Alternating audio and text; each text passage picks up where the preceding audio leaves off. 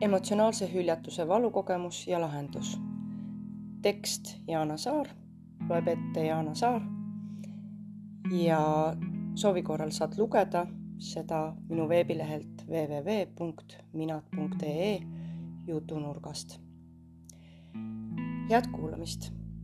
kirjutan oma kogemusest, sest võib-olla see aitab sind, kui oled kogenud või koged seda praegu ma püüan sõnadesse panna enda tunded ja mõtted, kui selle valuga lõpuks ühenduse sain ning kuidas see minu jaoks lahenes.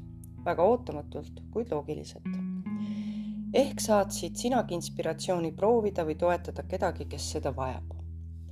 sean mugavalt sisse, võib olla varuga mõni salvrätik. lugemine on veidi pikem kui tavaliselt. emotsionaalne hülgamine on haav, mida kannavad paljud inimesed. kuulen ja märkan seda sageli oma teadmiste ja õpingutega olen seda uurinud ja analüüsinud, kuid see kõik jäi mõistuse piiridesse.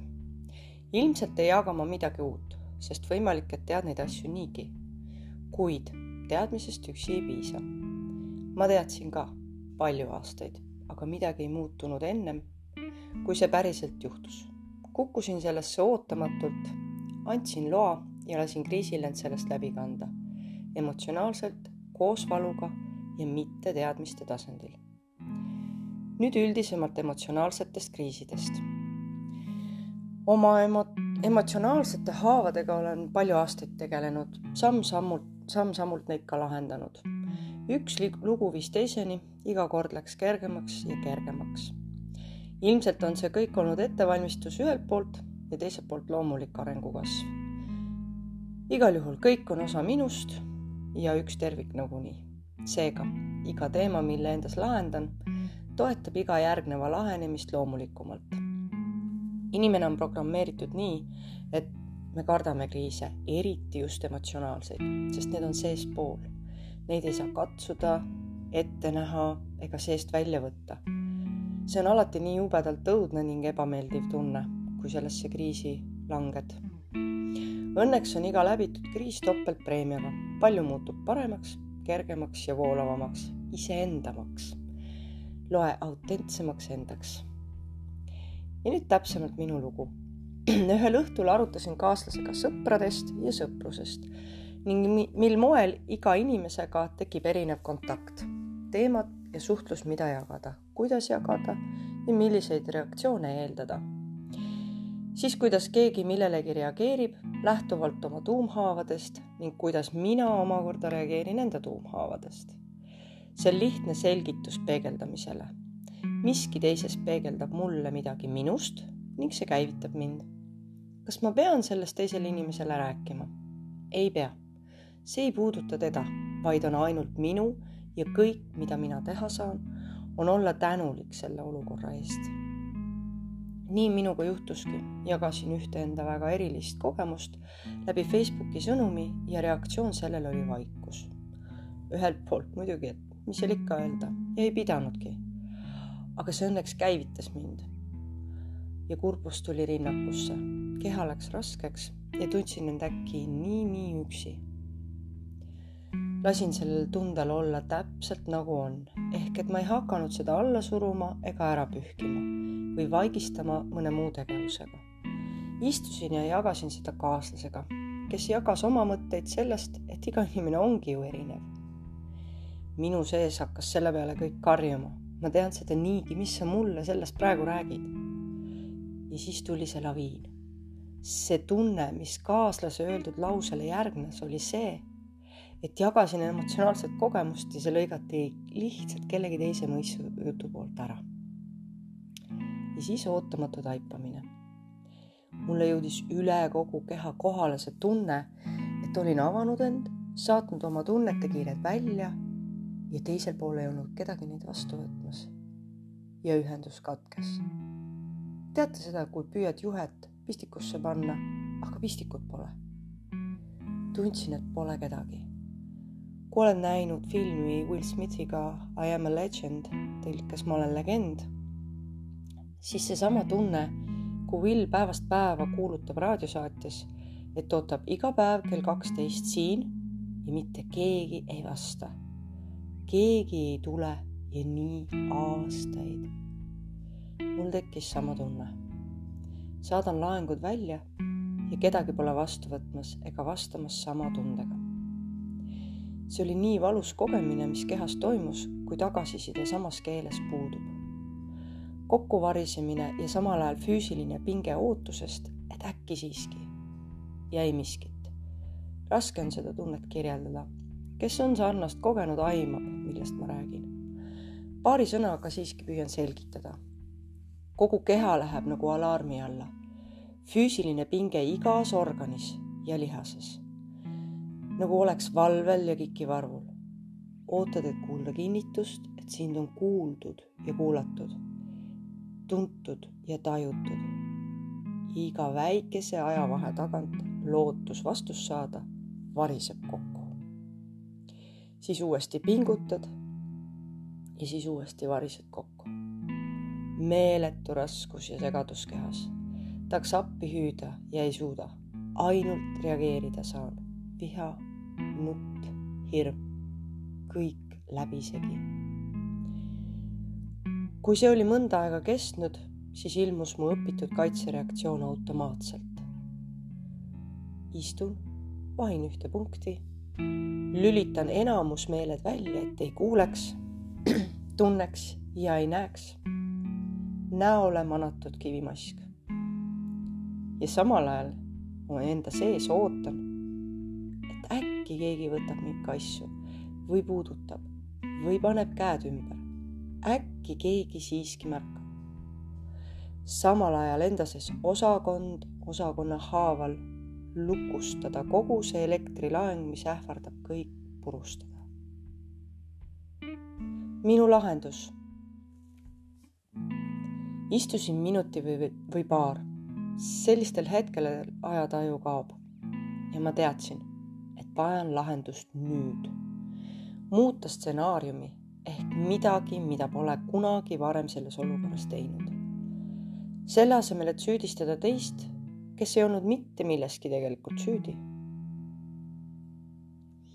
samuti ei saanud ta kuidagi anda seda, mida sel hetkel kõige enam vajasin, sest ma ei olnud seda ju ikka veel talle öelnud.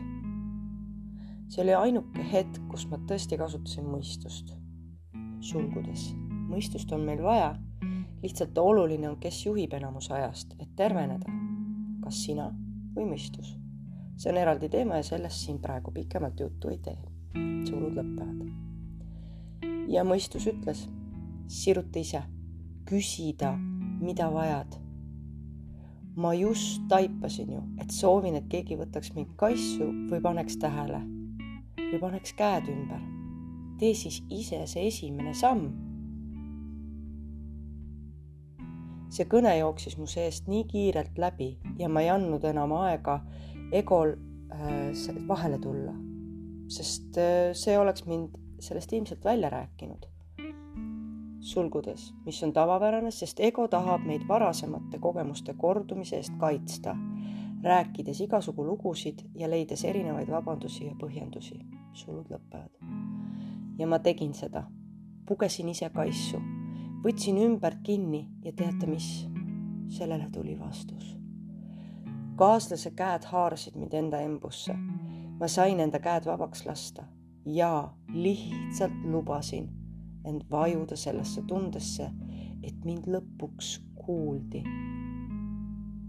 kusjuures, kas sa märkasid, et ma ei teinud seda sõnadega, vaid liigutusega? ise astusin esimese sammu. Ja kõik, mis mu sees selleks hetkeks veel alles oli, voolas pisaratega välja. nutsin end tühjaks silme ees jooksid taipamised ja pildid, miks see nii kõik on, kust see tuleb ja mille põhjal olen oma kaitsereaktsioonid üles ehitanud. kõik oli selge ja iga sekundiga läks kergemaks ja kergemaks. pisarad lõppesid ise, kui keha tundis, et nüüd on hästi. mis toimus füüsilises kehas samal ajal? Äkki tundsin kehas surinat ja sellele järgnes midagi müstilist. Sulgudes, ilmselt beebid tajuvad seda iga kord, kui saavud, saavad vastureaktsiooni vanemalt ja see on nende organismi endorfiinidega ehk õnnehormoonidega üleujutamine, mis paneb nad rahunema, tundma end turvaliselt ja usaldama, et nad pole üksi. Samuti on see valgu, valuvaigistava toimega, sulud lõpevad. Tundsin, kuidas kogu mu keha hakkas pealaest eriti tugevalt andis tunda, kuidas ajus pingelaeng alanes, kuni jalataldadeni ükshaaval lõdvenema. tajusin iga lihasgruppi, organit ja kehaosa. see oli nii kummaline sest ilmselgelt olin ma selle tunde ammu unustanud ja kaitsemehhanismide poolt blokeerinud. See kehaline kogemus tekitas joovastavat tunnet, nagu mingisugusesse transsi oleks vajunud, samal ajal ülimalt teadvel ja ühenduses olles. muide, kes on kergelt purjakil elus kas või korra olnud, siis see tunne sarnanes kõige enam sellega ja isegi kui keha püüdis uuesti vana pingeasendit sisse võtta, siis see kohe uuesti lõdvenes. see oli lihasmälu refleks, keha aga võttis kõik üle ja mina lihtsalt lubasin. kõik protsessid, mis sel hetkel aset leidsid, seda ei saagi kirjeldada ja ma arvan, et ei peagi. olulisim oli, oli siin lihtsalt usaldada, et keha teab kõige paremini ja lubada tal teha lihtsalt oma tööd Need programmid on nii ürgsed, et pole mõtet neis kahelda. ja lõpuks tundsin, kuidas ma võin silmapilku uinuda, teades, et mu eest kantakse hoolt. Minu sisse oli saabunud turvaline tunne, usaldus ja rahu. olin nagu koju jõudnud. järgnevatel päevadel märkasin oma keha tegevat uusi liigutusi. samal ajal olin ka veidi kohmakas, sest uuega vaja veidi harjuda huviga jälgin edasi muutusi, sest kolmkümmend üheksa aastat on oma jälje jätnud ja täielike muudatuste jaoks füüsilises kehas tuleb anda aega. Ja nüüd lühidalt teooriast, millega emotsionaalse hülgamise kogemus on enamasti seotud. imik saab teadlikuks endast läbi vanema peegelduse ehk imik saadab välja heli, emotsiooni või žesti. ta ei kasuta sõnu ja see, kuidas sellele vastatakse, kujuneb emotsionaalne sise, side, usaldus ja turvatunne. kui vanem on aga kogenud ise emotsionaalset hüljatust, erinevaid traumasid ja valu, mistõttu on ellujäämiseks olnud vajalik emotsioonid maha suruda, tuimestada, eirata, siis ongi tal raske lapse selgeid ja ebaselgeid signaale õigesti tajuda ning neile samaga vastata. lapsel tekib seeläbi segadus ja ta hakkab järjest vähem usaldama enda tundeid ning usub us,, usub rohkem vanema tundeid. või õpib kasvades selgeks vanemate poolt nimetatud tunded, kui sa näiteks nutad ja sulle öeldakse ära pinguta üle, pole sul midagi nii valus. lapse tunne sellega tühistatakse. seda ei usuta, ei tajuta, ei võeta kuulda. ehk et lapse emotsionaalsed kiired, mida ta vanemate poole saadab, lõigatakse mõistusega läbi. juhe ei jõua pistikuni lootus aga jääb ja laps püüab ikka ja jälle seda ühendust luua ja taastada. Samal ajal aga kogemused on õpetanud, et see ilmselt enamasti või alati, oleneb, milline suhe lapsel oma vanemaga on olnud, lõpeb valuga. seega töötab laps välja strateegia, mis hakkab teda selle valu eest kaitsma kohe, kui midagi tuttavat kuskilt paistab, annab tunda või ilmub ja kusjuures piisab vaid ühest sarnasusest eelnevalt kogetule ja alarmsüsteem käivitub. Kokkuvõttes, kui probleem on ühenduse katkestuses vanema poolt varases eas, siis lahendus on täiskasvanuna õppida tabama ära, kui alarm häiresse läheb. mida sel hetkel tegelikult vajad ja siis selle järele ise sirutada olenemata, kui ebameeldiv ja valus see on ja kas see keegi teine vastab või mitte. oluline on teha see liigutus või öelda välja, mida vajad. ja loomulikult tuleb seda harjutada, harjutada ja harjutada, kuniks see muutub sama loomulikuks kui kahvliga söömine see on ka üks kehapsühhoteraapia põhiteesidest, et lahendada need liigutused, mis mingil põhjusel jäid lõpetamata, tegemata või vastuseta tookord lapseeas. sest keha mäletab ka siis, kui oled sajaaastane. Seega ei ole oluline, kui vana ja kui kaua oled oma kaitseid kasutanud. keha püüd on alati see lõpetada, sest tema jaoks ei ole aega. kui kogemus käivitub, siis kõik toimub justkui uuesti. nii nagu see esmakordselt juhtus. ta jääb samasse sündmusesse lõksu.